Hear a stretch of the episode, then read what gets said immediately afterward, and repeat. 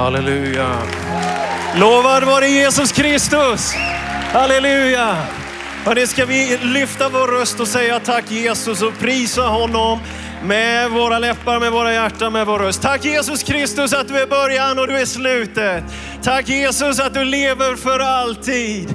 Tack Jesus att du är vår frälsare. Tack för din närvaro ständigt och jämt i våra liv. Tack för den heliga Andes gåva. Tack att du är visdom när vi inte förstår. Du är frid när vi är oroliga. Vi prisar dig ikväll Herre. Vi vill vara ett folk, en rörelse som älskar dig. Älskar dig innerligt. Älskar dig varje dag. Älskar dig av hjärta, själ, tanke och förstånd. Av all den kraft som du har gett till oss Herre. Vi älskar dig och vi tackar dig. Tack Jesus för din vackra ljuvliga närvaro. Tack för stämman, tonen, vidrörandet, kyssen, intimiteten, glädjen, hänförelsen. Och vi älskar dig Herre. Vi är ditt folk. Lovat vare ditt namn.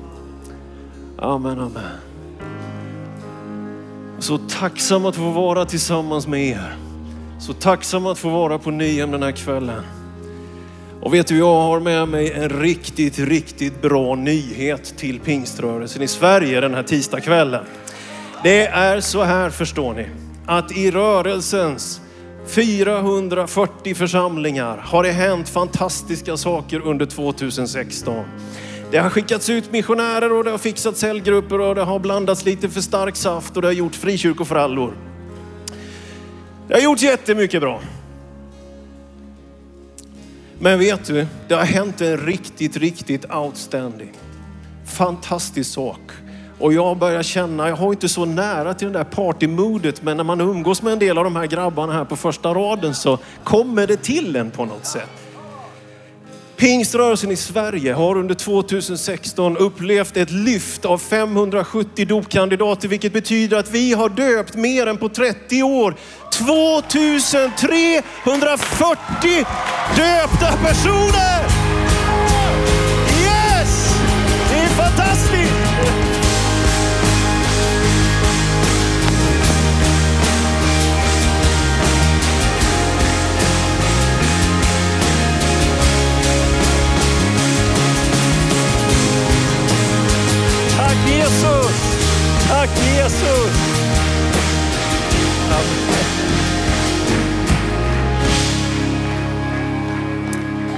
Bakom varje siffra där finns ett namn. Och bakom varje namn finns en berättelse. Och bakom varje berättelse så vet vi att det finns en Gud som känner den berättelsen. 2340 människor, inte sedan 1987 har det döpt så många i våra församlingar. Det är vackert, det är fantastiskt. Pingströrelsens dopsiffror har ökat nu sex år i rad. Kära vänner, vart är vi på väg? Vart är vi på väg? Du vet ryktet om kyrkans död i Sverige är betydligt överdrivet. Kyrkan kan inte dö för Jesus Kristus håller liv i församlingen och jag håller inte koll på mina papper här. Det är så otroligt glädjande. Och en sak som jag på något sätt vill hedra i den här passagen, det är ju den lilla församlingen. För vet du, av de här 2340 personerna så är det 75 församlingar med under 100 medlemmar som faktiskt utgör bara 5 procent av rörelsens medlemsantal, men 12 procent av den här dopsiffran. Det lever också i de små församlingarna. Och det är också så glädjande att få se och notera att det är på det sättet. Tack Jesus för 2016. Nu sträcker vi oss framåt. Den här predikan kommer landa i en bön utifrån en framtidsbild. Men temat för den här dagen är att Jesus Kristus är uppståndelsen och han är livet. Jesus Kristus lever och han lever för att alltid leva. Det är vår tro. Och nu vill jag att vi står upp tillsammans. Du vet det är så här liturgin i pingströrelsen. Det är sitta, stå, sitta, stå. Man vet aldrig när. Men ni som tycker ni får stå för länge, var glada att ni inte är ortodoxer. De får stå jämt. Så är det faktiskt. Johannes evangelium kapitel 11, vers 19 till 27. Och vi läser Guds ord i tro på att det är sant, eller hur? Vi älskar Bibeln. Vi tar emot vad den säger och vi läser i Jesu namn. Många judar hade kommit ut till Marta och Maria för att trösta dem i sorgen över deras bror. När Marta fick höra att Jesus hade kommit dit gick hon ut och mötte honom. Men Maria stannade kvar hemma. Marta sa till Jesus, Herre om du hade varit här skulle min bror inte ha dött. Men också nu vet jag att Gud kommer att ge dig vad du än ber honom om. Jesus sa, din bror skall uppstå. Marta svarade, jag vet att han ska uppstå vid uppståndelse på den yttersta dagen. Jesus sa, jag är uppståndelsen och livet. Den som tror på mig ska leva om han än dör. Och var och en som lever och tror på mig ska aldrig någonsin dö. Tror du detta? Hon svarade, ja Herre. Jag tror att du är Messias, Guds son, han som skulle komma till världen. Amen. Ordet för uppståndelse. Det är anastasis och det betyder egentligen väldigt mycket återuppståndelse. Det betyder någon som har varit på en hög och upphöjd position men som har avstått den. Låtit sig sänkas ner. Det ligger i ordet uppståndelse att man först har gått ner för att sen få stå upp igen. Det finns ingen uppståndelse utan att det först föregås av någonting som är nedåtgående. Människans religiösa strävan är uppåt. Guds strävan är neråt. Han kommer, blir människa, lämnar härligheten, blir som en av oss, tar kropp och han lider och han går in i dödsriket. Vi har hört det i sångerna, vi har läst det i texterna. Och han är inte den som väjer för någonting av smuts eller orenhet. Han till och med blir jord till synd säger skriften. Han är den som inte avstår någonting av att dricka den giftbägaren. Jesus Kristus som är kyrkans Herre ödmjukar sig. Jesus Kristus som är världens Herre, som är alltings upphovsman, som är instrumentell i skapelsen. Allting är till genom honom och det är till av honom och det är till till honom. Jesus Kristus som inte är begränsad av tid eller rum, som äger alla liksom instanser du kan tänka sig, avstår. Ödmjukar sig, böjer sig, utblottar sig. När Paulus skriver Kristushymnen i Filipperbrevet 2 så skriver han om hur han uttömmer sig, kenosis. Det är en Gud som går all in för att fånga den som är längst bort. Det är en Gud som går in för att fånga den som är som en trasa eller en våt fläck på golvet. Det är en Gud som älskar sin skapelse så oerhört mycket. Han gör allt. Han utblottar sig. Han dör. Och så skriver en av de gamla kyrkofäderna att vad dödsriket inte visste var att de svalde Gud med oss, Immanuel. Men det fanns en krok inuti honom. Det var någonting i den kropp dödsriket slukade. Ungefär som att käka dynamit till frukost. Det fanns någonting som började röra sig nere där i magen på dödsriket på påskdagens morgon. Kändes inte riktigt som alla de där andra kropparna som var slukade och inlåsta. Det var något annat med den här kroppen. Vår frälsare som hänger på korset var ju inte den enda som blev korsfäst vid den tiden. Det var ju ett avrättningsredskap. Men det är vem som hänger på det korset som är avgörande. Det är alltings upphov, det är skaparen själv. Det är levande Gud själv som ger sitt liv på det korset. Och i hans död finns segern över döden. Han offrar sig och i dödsriket på påskdagens morgon exploderar detta till en fullständig uppståndelse. Och portarna måste öppnas. Fångarna kan släppas fria. Det börjar mullra liksom redan på långfredagen i gravfälten i Jerusalem. När han dör på korset. Vår frälsare. Helvetet svalde en kropp men tog emot den himmelska kraften. Det är Jesus Kristus. Vid det här mötet i Betania, i denna djupa sorg, när brorsan Lazarus har avlidit, hans kropp luktar, det har gått fyra dagar, så uttrycker Jesus de här orden. Jag är uppståndelsen och livet. Det är inte så att uppståndelsen är bara den enskilda händelsen, den är ju den grundläggande. Men hela hans person, hans närvaro, och hans liv i sin församling år 2017 idag innebär också att det är uppståndelse och liv som ska känneteckna den kristna kyrkan. För Jesus Kristus är detta. Det är ett nu, det är ett presen som är evigt. Han är uppståndelsen och han är livet. Halleluja. De är förtvivlade de här systrarna såklart. Kanske mycket av det sociala rubbas och det finns en problematik.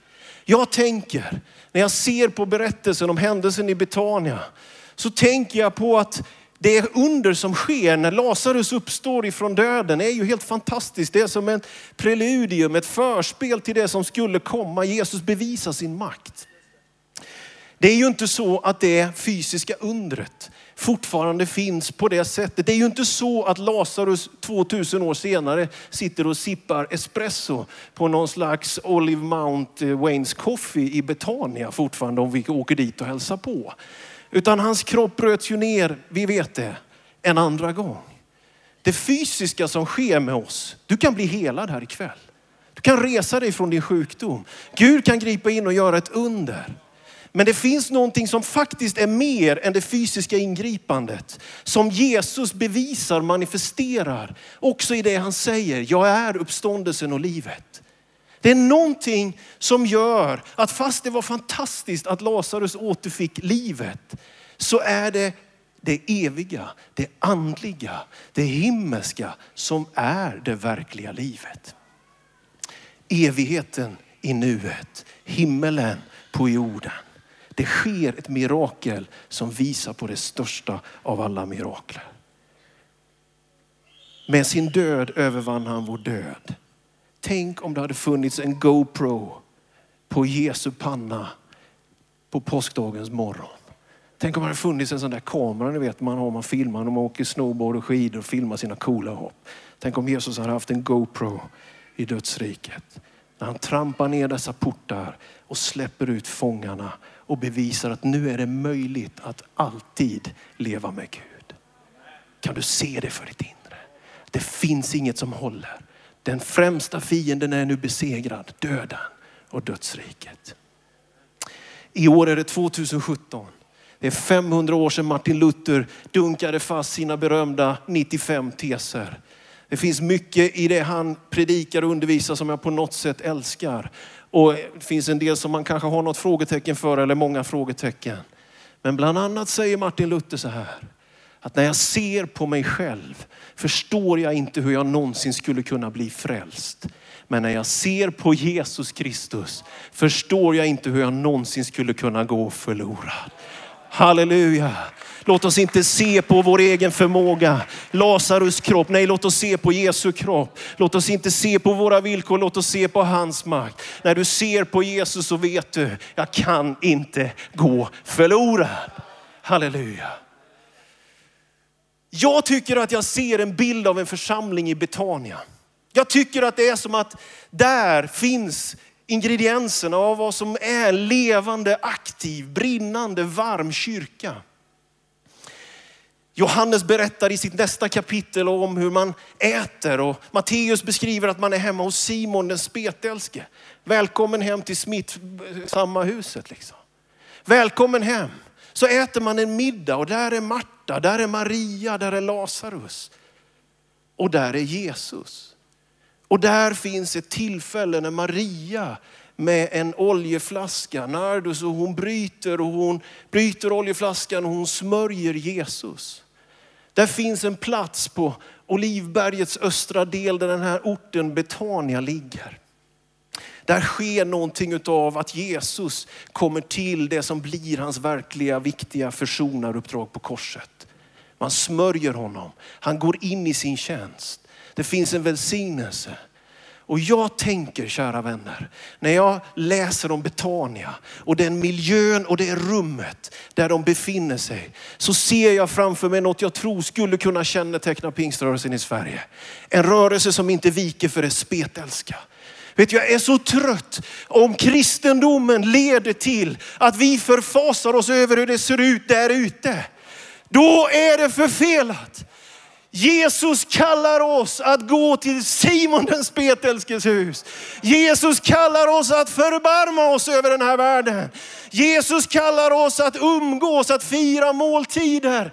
Det finns ett gediget och en tydlig utmaning. När du får möta Gud så måste du förstå att evangeliet kom till dig på sin väg till någon annan. Det finns inget egoprojekt i evangelium. Det finns någonting som alltid vill fram, alltid mer, alltid vidare. Till det som är svagt, till det som är smutsigt. Jag är så trött på att det verkar lura pingstväckelsens andlighet runt benen. Att när vi har tagit själva ett steg med Gud så lockas vi till självgodhet, till legalism, till att vi har det. Vi kan det. De som känner mig vet att jag älskar pingströrelsen. Jag är helt subjektiv, partisk. Jag har inget vidvinkelseende. Jag kan inte se en brist i pingströrelsen. Jag är romantiker. Jag älskar den här miljön. Men det finns inget i den här boken som ger mig eller oss en enda anledning att förhäva oss. Det finns ingen anledning att säga att vi är bättre än någon annan. Vi har inget liksom stöd för att vi skulle vara kaxiga och högmodiga. Före pingströrelsens uppståndelse kommer så finns det en nedåtgående resa att också ibland göra. Att låta någon annan gå före, att uppoffra sig, att göra något utan att det syns och märks. Att be i det fördolda, att idka liksom goda gärningar, inte när det fladdrar förbi en kamera utan när ingen märker det. Det är det som är den stora utmaningen. Att inte fastna i legalismens hårda egoistiska dike. Det dödar oss. Det förstör oss. Och det lurar runt hörnet för mig och kanske det gör det för dig. Vill du ha det med fina ord så heter det pelagianism, syndfrihetslära. Vill du ha det med ett annat ord som får en liten annan ingång så är det donatism. Att bara den som är perfekt och aldrig har avfallit, aldrig har tänkt något fel typ kan vara dopförrättare, kan utföra heliga handlingar. Annars gäller inte det dopet. Annars gäller inte den predikan. Det blir en fruktansvärd situation om vi tänker att vi ska putsa på vår Reinheit, om vi ska vara den renrasiga pingstkennen.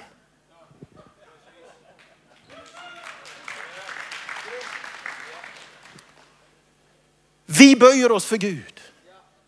Vi erkänner honom som auktoritet. Vi älskar skrifterna. Vi kysser den här boken. Vi tillhör honom. Men det finns bara ett föredöme och det är att när man har böjt sig under en auktoritet som Jesus Kristus, då utvecklar man inte sig i auktoritär riktning mot andra människor. Det finns ingen sån liksom inteckning för någon av oss. Han är vår auktoritet, men han gick hela vägen ända ner i dödsrikets mest unkna, ruttna läge. Där var Jesus Kristus. Och det är därför vet du, vi ska ägna oss åt att sända missionärer dit ingen har varit förut. Det är därför vi ska plantera församlingar i stadsdelar där ingen har gjort det ännu i Sverige. Det är därför vi ska be för dem vi aldrig kommer att träffa. Varför? Därför att andedopet, pingst, pingstådran i oss leder oss inte till jaget och det egoistiska, utan till det vi inte har sett, det vi inte har märkt, det vi inte ännu har upptäckt. Må det komma en ny våg av entreprenörskap, av nya församlingar, av revitaliserade församlingar ur ett möte med uppståndelsen, med Jesus Kristus. Han som steg ner. Aposteln Petrus han skriver, ödmjuka er alltså under Guds mäktiga hand så ska han upphöja er när tiden är inne. Får jag fråga dig som är här ikväll eller som lyssnar via nätet. Du är väl inte för fin för församlingen? Du är väl inte för renlärig för att umgås med andra kristna?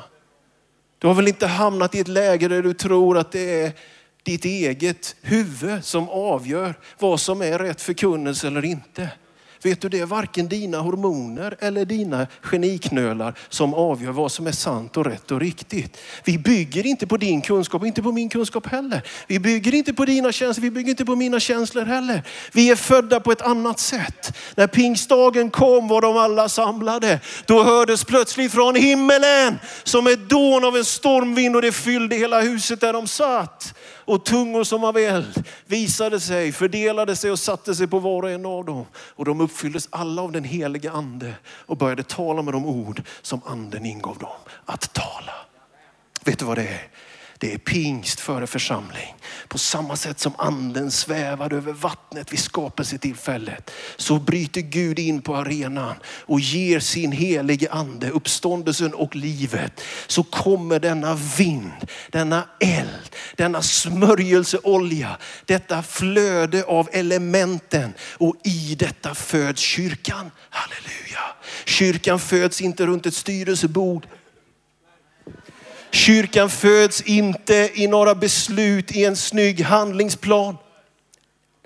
Kyrkan föds inte ens genom en driven, duktig ledare. Kyrkan föds av Gud själv på pingstdagen genom en eld, genom en vind, genom en våg, genom någonting som bara kommer ifrån höjden ner till oss. Och det är det vi ska leva med också idag. Därför så är det min bön att vi ska tala i tungor. Men det är också min bön att man ska fatta att man ska hålla sin tunga ibland. Det är det som är min bön. Jag ber till Gud för den här kvällen. Att du ska få sjunga i den helige ande. Tala i tungor i sången. Jag har bett till Gud, jag är karisma, vi är pingstfolk. Vi älskar hänförelsen, eller hur? Vi älskar det här som är drivet och hängivet, eller hur? Men vi älskar diakonin. Vi älskar att räcka en bägare vatten. Vi älskar att ge ut någonting till dem som inte har någonting. Om karismatiken stannar i kicken på konferensen så är det förfelat. Om legalismen är en av de stora fienderna och problemet så är ju svärmeriet det andra. Detta egoistiska krumbuktande att alltid få mer.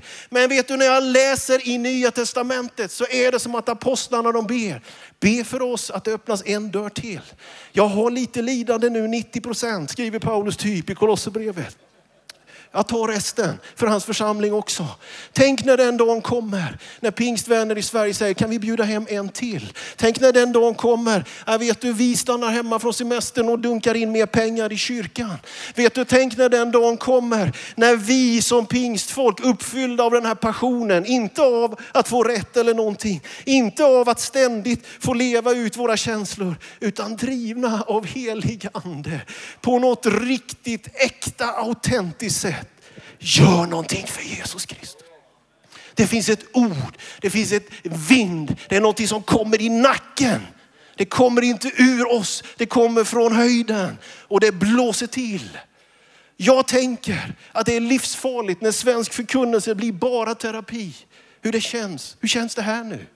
Känns det bra? Det var ett fint möte. Det var en trevlig predikan. Det är ju högst ointressant. Det finns 10 miljoner människor i det här landet. Vilsna, borta ifrån Gud. Jag ser i Betania att de kom ut och de tröstade de som sörjde. Vet du, om du vill utföra din kallelse, se till att gå hem till de som ingen går hem till på studentuppvaktningen som var kanske för någon fredag sedan. Det är utmaningen i Sverige idag. Så många har ett så litet vi. Många är så ensamma och har så små nätverk. Vet du, våra församlingar kan bli den riktiga familjen. Vi kan vara de som hör av oss när det går i kras. Vi kan vara de som firar när det är student. Vi kan vara de som är det större viet. Jag tror det är en direkt missionsutmaning i ett land som håller på att krevera i egoism och individualistiska strömningar. Det händer någonting i Betania. Oljan flödar. Till och med Simon den spetälske får besök. Vännerna, familjen och Jesus är där. Vad är din bild av pingsten? Vad är din bild av vad som kommer ur detta flöde? Gud kallar inte oss till att vinna debatter. Gud kallar oss till att vinna människor för Jesus Kristus. Gud kallar inte oss att få rätt. Gud kallar oss att leva ett heligt liv inför honom. Och det är inte fel på karaktär. Det är inte fel att ha någon slags kompetens heller. Men det börjar ju inte med den putsade pinkyrkofasaden. Det börjar ju med vinden, elden, vågorna. Allt detta som brusar, det är ju det som är vårt liv. Det är det vi går med. Kallelsen, allt det som han ger till oss. Halleluja. Halleluja. Jesu uppståndelse betyder att vår självbevarelsedrift faktiskt kan läggas åt sidan. Hängde du med på det? Du vet att när vi inte längre är grunden för vår existens, utan han är centrum. När det inte längre är hur vi ser ut och hur vi lyckas, utan det är hans liv i oss. Då släpper någonting. Det börjar släppa någonting. Det finns ingen prestige att odla. Det finns ingen position att försvara. Det finns inget varumärke så sätt att bygga. Det finns ingenting. Vet du vad? Om Gud ska få sin hand med vår rörelse i den tid som ligger framför nu, så tänker jag att vi ska ge upp vår självbevarelsedrift. Jag tänker att vi ska inte vara rädda. Vi ska investera allt vi har. Jag tänker att vi ska inte vara fega. Jag tänker att det Jesus har gjort, det räcker och det bär. Det är det som håller liv i kyrkan. Jag tänker att vi ska vara modiga, vi ska våga, vi ska satsa in emot någonting som faktiskt innebär ett risktagande. Jag utmanar dig som församlingsledare. Jag utmanar mig själv som församlingsledare. Jag utmanar oss att för den här världens skull, för människornas skull, låt oss ta risker. Låt oss investera och gå. Låt oss vara ett Betania byggt på den där Olivbergskullen. Där en dag Jesus ska komma tillbaka till. Den där platsen där det fanns så mycket skörd, så mycket välsignelse, så mycket som flödade. Lovat vare Herrens namn. Jag skulle vilja nu att vi står upp tillsammans. Så kommer det hända en grej mot slutet av predikan här. Och det är så här att jag har med mig ett bönämne till er som jag vill eh, dela i den här gemenskapen. Det här bönämnet har kommit till mig och till oss som pingst och vi antog det på vårt rådslag. Vi eh, har sett framför oss att vi vill gå en väg nu som är en bild av en framtid som vi önskar och längtar efter skulle kunna få se. Och att vi skulle få se. Så vi skrev ett brev som vi tänkte oss att det skulle vi få om 15 år. Och jag vill läsa det och ni kan följa med på skärmarna och ta del av det som står i den här framtidsbilden. Sen tänker jag utmana dig en stund. Vi kommer att ha betjäning och personlig förbön. Men efter den här så utmanar jag alla som tror på bön. Vi ska ta ett rejält tag i bön för Sverige den här kvällen. För våra församlingar och för det som ligger i framtiden. Lovad vare Herren. Tänk om det skulle kunna låta så här om 15 år. Vi tror på Jesus och vi delar budskapet om honom med glädje. Vi älskar människorna. Vi erbjuder mening i livet och gör nytta för alla i samhället som behöver en bättre tillvaro. Vilken vettig verksamhet säger våra medmänniskor. Just detta saknar vi i ett samhälle som drivs av pengar, makt, konkurrens och tekniska framsteg. Men brister i kärlek, omtanke och medmänsklighet. Detta tomrum i samhällsbygget har vi lyckats att fylla person för person och hjärta för hjärta.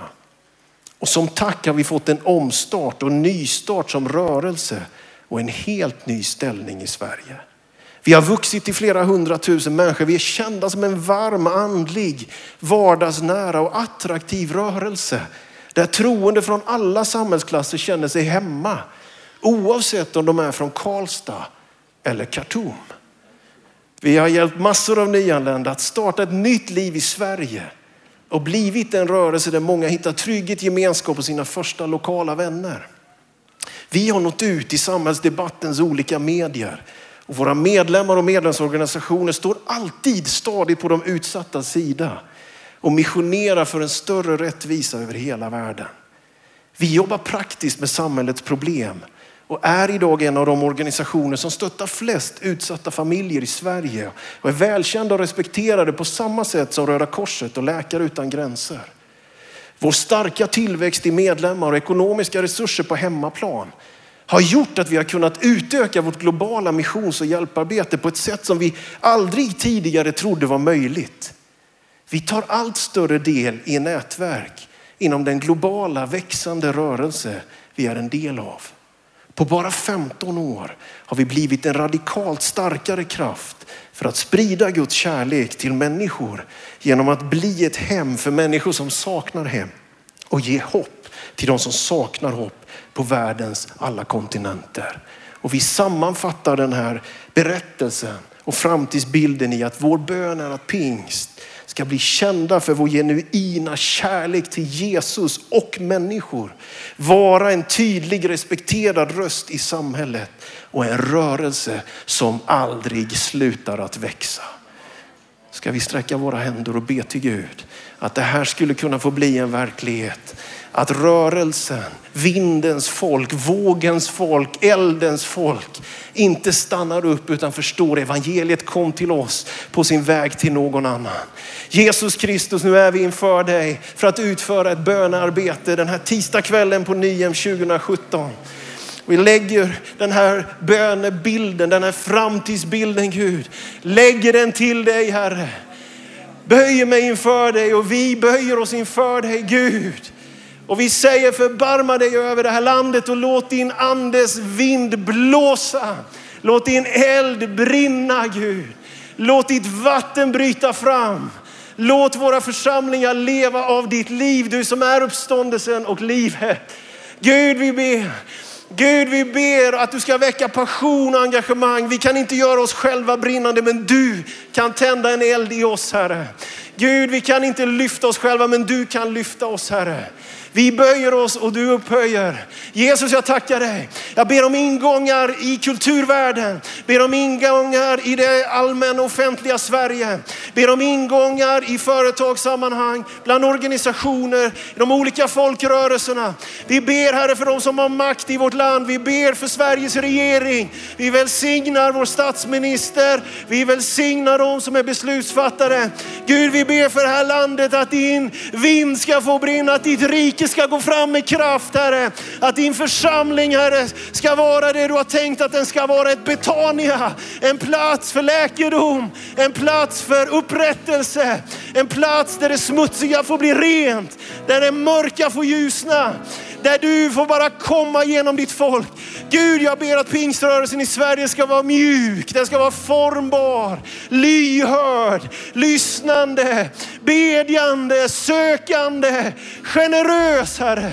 Jag ber om en omvändelse till våra församlingar. All ljumhet. Jag ber att det ska finnas en ny nerv runt våra söndagar. Jag ber att vårt gudstjänstliv ska blomstra som aldrig förr. Jag ber att predikningar ska vara smorda av helig ande. Jag ber om nedslag ifrån höjden. Men jag ber om ett socialt patos, ett engagemang som sträcker sig långt utanför de egna komfortgränserna. Gud, vi öppnar vårt hjärta. Herre, vi har ingenting men vi vill inte bevara oss själva. Vi vill att du ska regera Herre och låta din församling leva som du har tänkt Herre. Kom med läkedom genom ditt folk Herre. Kom med kraft genom din församling. Gud jag tackar dig. Åh jag tackar dig. Lovat vare ditt namn. Prisa är du. Be för det som kommer upp i ditt hjärta nu, din ort, din församling, din pastor. Be inte för dig själv just nu. Be för det som bara lyfts inom dig.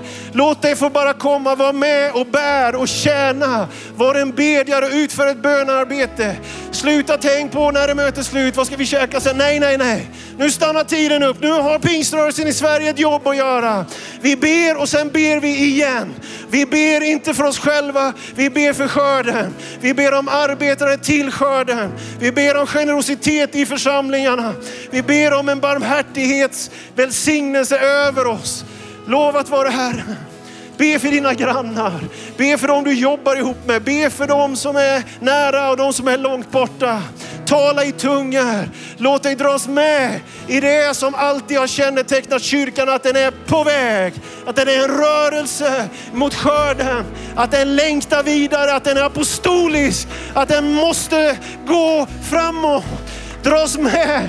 Låt ditt hjärta brinna. Var inte åskådare, delta inte i enkäten just nu. Ropa till Jesus Kristus. Det kan vara så avgörande för nya församlingar som planteras i den här myllan ikväll. Jag tror att det är fullt möjligt att det planteras visioner den här kvällen som är av anden. Jag tror att det väcks sociala projekt den här kvällen som rör länder långt härifrån. Jag tror att i den här myllan och miljön gör Gud fantastiska saker. Ropa till Gud och han ska svara dig.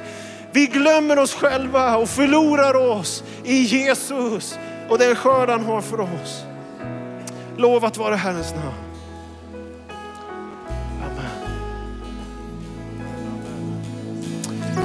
Halleluja. Där i Betania när Lazarus låg död sprang Marie, Marta ut snabbt och Maria stannade kvar. Hon var ivrig, frustrerad. Jag måste få prata med dig Jesus. Var är du?